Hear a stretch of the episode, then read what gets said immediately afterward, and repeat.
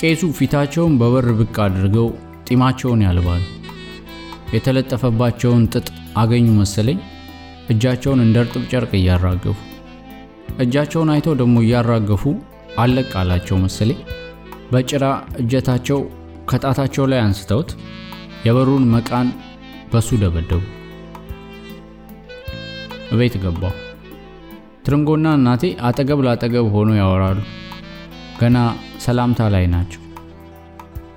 ተስማምቶሽ የለ አንቺ? ኧረ ተይ እንደዚህ አትበይ፣ ሰይጣን እንዳይሰማ።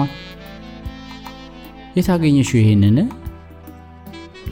ከረሜላህን ጨረስከው? ና አንድ ባሌን ማሳደር ያቅተኛል መሰልሽ? መቼ ነው የምትድሩልኝ ይህንን መኳንንት? ትርንጎን ተጠጋዋት። እግሮቿ መሃል ሄጄ ቆምኩ። ጀርባዬን ወደ እሷ አዙሬ የጭኖቿ ሙቀት ወደ ወገቤ ሲሳብ ይሰማኛል። ከንቅናቄው በቀስታ አጥብቃ ስትይዘኝ ይሰማኛል።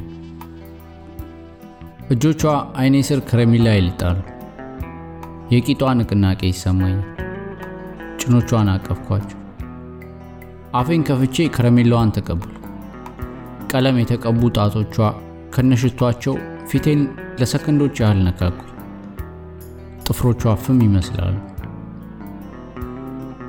ቡና ላፍላ ከሱ ጋር ወሬ ከጀመርሽ። እናቴ ወደ ጓዳ ገባች። ከረሜላ ነው የምትወደው ወይስ እኔ ነው የምትወደኝ? መሀል ራሴን ሳመች፣ በጉተናዬ የተጫወተች። አንቺ ዘንድ ምን አይቷል እንዲህ የሚወድሽ አለች እናቴ ከጓዳዋ ጀበና እያጠበች። ቀጠለች። የትም አትሂድ፣ ቡና ትጠራልኛለህ። እኔን ትቶ የት ይሄዳል? ባል ሚስቱን ትቶ ይሄዳል እንዴ? እግሬን በእግሬ እያከኩ እንደቆምኩ ብቻችንን እንጠጣ ባክሽ አለች እናቴ መልሳ። ትርንጎ በመስማማት ራሷን ነቀነቀች። ደከመህ? ጎትታ ጎኗ አስቀመጠች። ጥቁር ቁምጣዬን ዳብሳ ኪሱን ካገኘች በኋላ ቦርሳዋን ከፍታ ከረሜላውን በሙሉ አውጥታ እዛ ውስጥ አስቀመጠችው። ትምህርትህን የት ደረስክ? ዳዊት።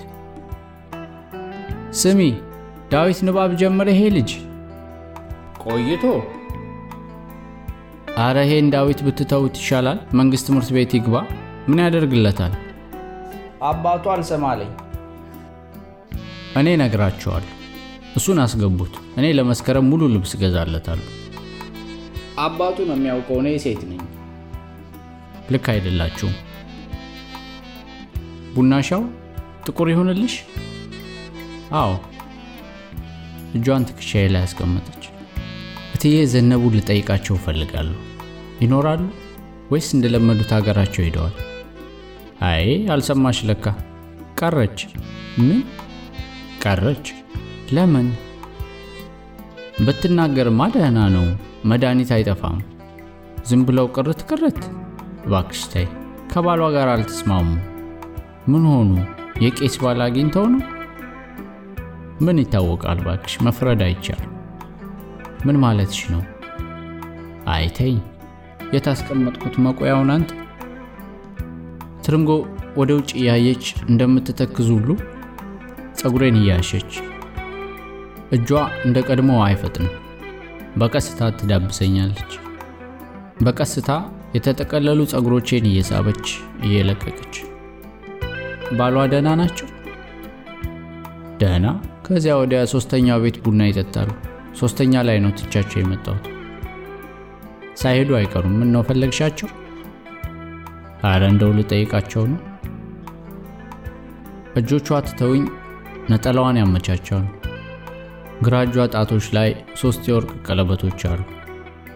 እጄን በቀስታ ሰድጄ ክንዷን ያስኳት። ቀለበቶቿ ላይ አፈጠጥኩ። ቀለበት ትፈልጋለህ? ጉንጬን በከረሜላ ሳብጬ ጣቶቿን ያዝኩ። ቀለበቶቿን በጣቶቼ እየዳሰስኩ ከትንሽ ጣቷ የተሰካውን ቀለበት አውጥታ ና ላርግልህ አለች። የቀኝ እጄን ጣቶች ዘረጋውላት።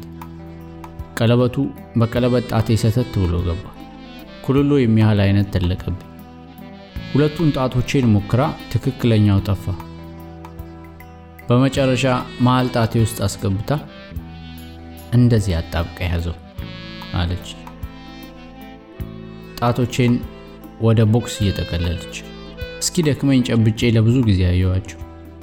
ስትነጋገር የሆዷ ንቅናቄ ጀርባዬን ይነካካኛል። ደስ የሚል ነገር አለ። ጉልበቷን እነካካሉ። እጆቿን እያገላበጥኩ ያሉ ታወራለች።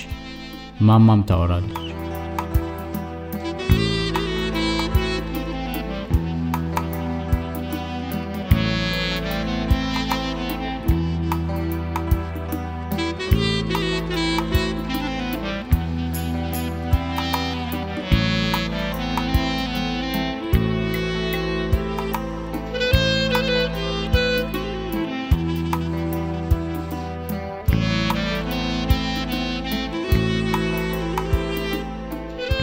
ትርንጎ ቡናው ተፈልቶ እስከ ሶስተኛው አልጠበቀችው። ነጠላዋን አንስታ ለመልበስ እያመቻቸች ቶሎ መጣሁ፣ የኔታ ብርሃኔን መጠየቅ አለብኝ፣ እዚህ ደርሰሽ ተመለሽ ይሉኛል። የት ይሰማሉ? አንቺ ደግሞ ሌላ ቀን ቀደም ብለሽ ነይ። ቆይ ባክሽ ደረስ ብዬ ልምጣ። ይህን ጊዜ መታለች ብሎ የሚነግራቸው አይጠፋም። ቀለበቴን አጥብቄ ይዣለሁ።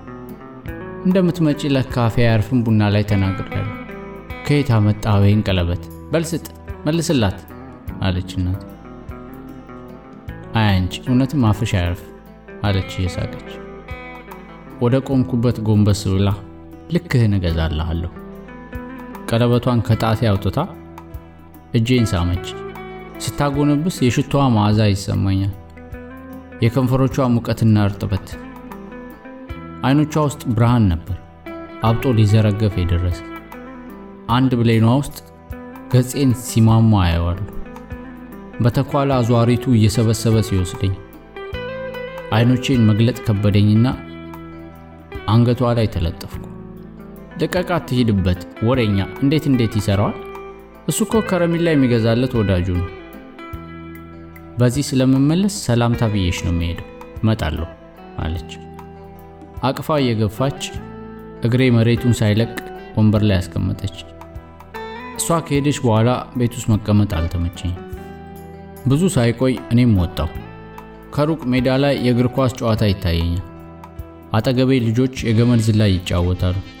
ሜዳ ከሄድኩ ትርንጎ ከሄደችበት ስትመለስ የማጣት ስለመሰለኝ የልጃገረዶቹን የገመድ ዝላይ ስመለከት ቆየሁ።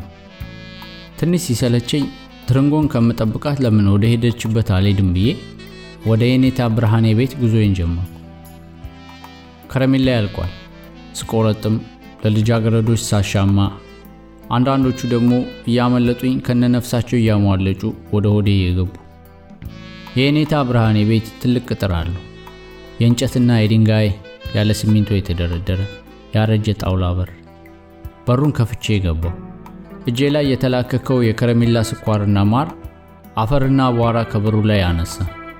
በሱሬ ልጠርግ አስቤ አልቻልኩ። አፌን አፍንጫዬን ጠረኩ።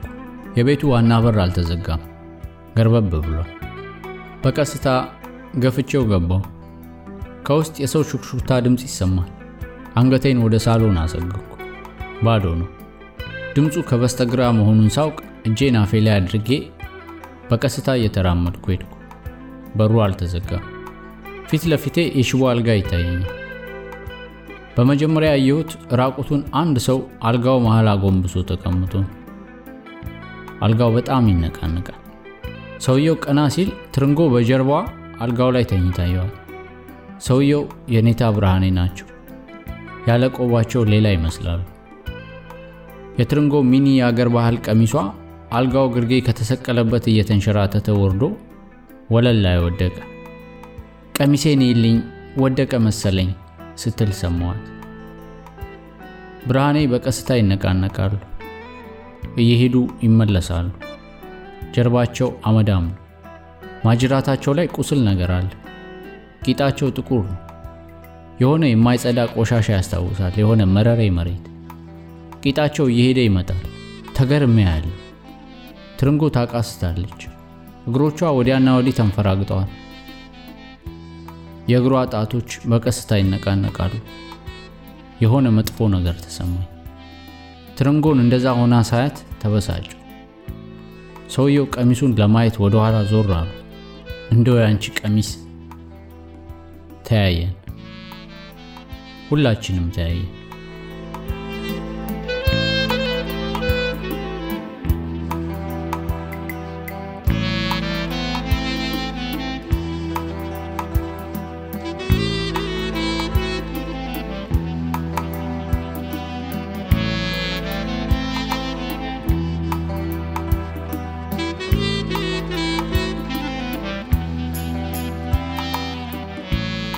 ወደ እማማ ስትመለስ ላያት አልፈለግኩ።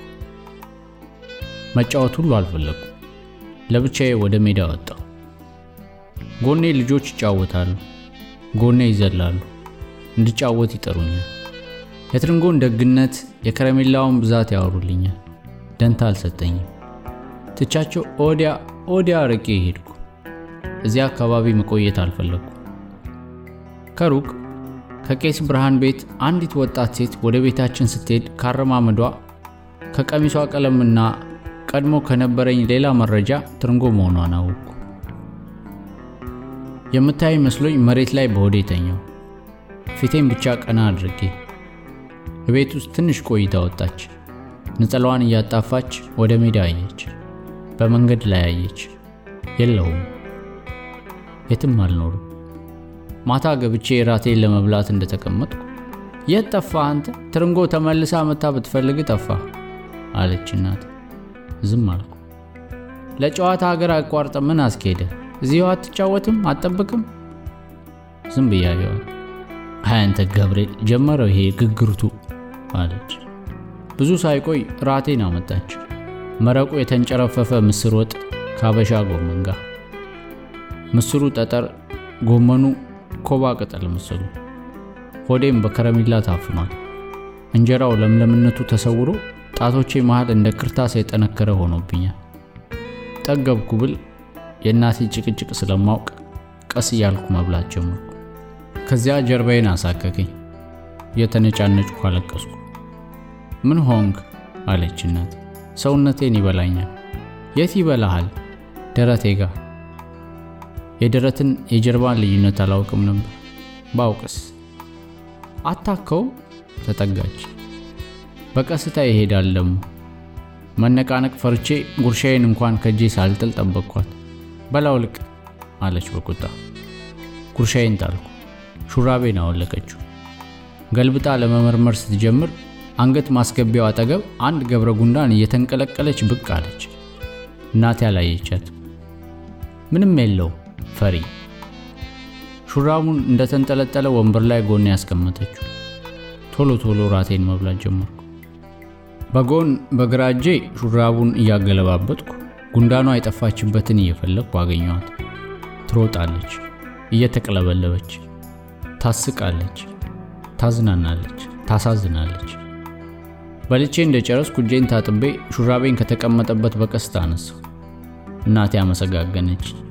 እሰይ እንዲህ ነው የሚበላው። እንደው እንደለካከፍክ ቁርስህንም ምሳህንም እንዲህ ብትበላ ቶሎ ታድጋለህ። ሹራቤን ይዤ አልጋዬ ላይ ወጣ። በቀስታ ዘረጋጋሁት። ጉንዳኗን የሹራቤ አንዱ እጀታ ላይ ስትሮጥ አገኘኋት። ከእሷ ጋር ስጫወት መሸ። በጣም መሽቶ በግማሽ ንቃት እናቴ ስታወራ ሰማታለሁ። እንዴት ያሳዝናል! ምን ስታደርግ ነው?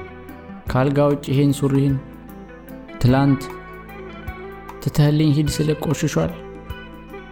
ሰማ ትርንጎ መምጣቷን ሳልነግ በህልሜ ሜዳው አልኩ። በፈከከ በቀትር እሷ ስትጥለው እኔ ሳነሳ፣ እኔ ስጥለው እሷ ስታነሳ ከአንዲት ገብረ ጉንዳን ጋር በሳር ቅልልቦች ስንጫወት